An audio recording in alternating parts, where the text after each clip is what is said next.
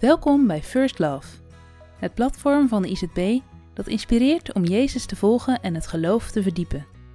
Vanuit de Bijbel delen christelijke schrijvers vanuit verschillende expertises een inzicht over thema's die iedereen raken.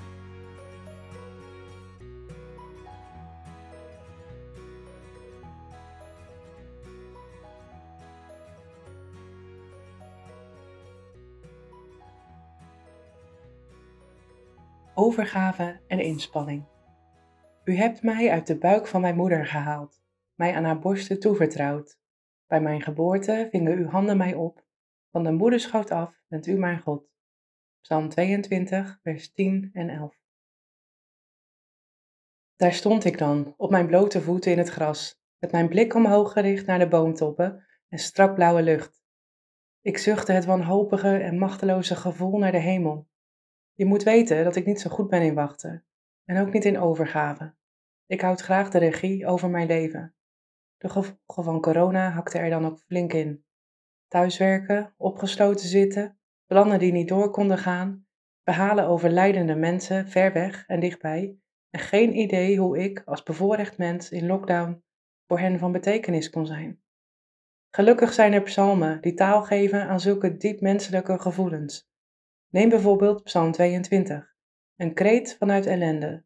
Verrassend hoe God in deze psalm vergeleken wordt met een vroedvrouw. Het beeld van een zwangerschap en bevalling komt regelmatig voor in de Bijbel. Het bekendste voorbeeld is wellicht dat van Paulus in Romeinen 8, waar hij schrijft dat, het, dat de hele schepping als in barensweeën zucht en lijdt, hopend en wachtend op verlossing. Een beeld dat tot de verbeelding spreekt. Een bevalling is een proces dat soms eindeloos lijkt te duren, soms heel kalm verloopt en dan ineens weer in alle heftigheid losbarst. Het is pijnlijk, maar tegelijkertijd hoopvol. Ik snap wel dat dit beeld in de Bijbel gebruikt wordt als metafoor. Net als zwanger zijn en bevallen, is gelovig leven een combinatie van overgave en inspanning. Een bevalling is niet tegen te houden. Als de weeën inzetten en de vliezen breken, neemt je lijf de regie over en moet je je daaraan overgeven. Tegelijkertijd is al je concentratie en focus nodig. Ademhalen, kalm blijven of juist met alle kracht persen. Het is een combinatie van je laten begeleiden en eigen kracht. Een barende vrouw weet bijna altijd intuïtief wat ze moet doen. Maar goed luisteren naar een ervaren begeleider die je door het proces heen praat, kan het verschil maken tussen een voorspoedige en een dramatische bevalling. Geen wonder dat de naar verlossing schreeuwende David God als vroedvrouw aanspreekt. Dit beeld leert mij hoe God ons nabij is in deze tijd vol weeën en wachten. God ziet ons, zoals een ervaren verloskundige een badende vrouw observeert en precies weet in welk stadium van het bevallingsproces ze zich bevindt.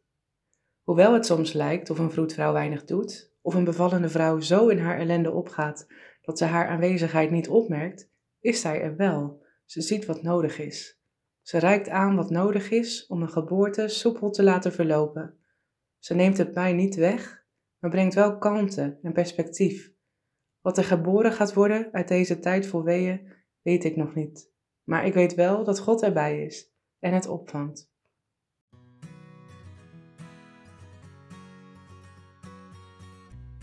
Bedankt voor het luisteren naar deze bijdrage. Voel je vrij om deze te delen met anderen. Ben je benieuwd naar andere artikelen van First Love? Kijk dan op www.firstlove.nl of download de IZB Connect app voor nog meer inhoud.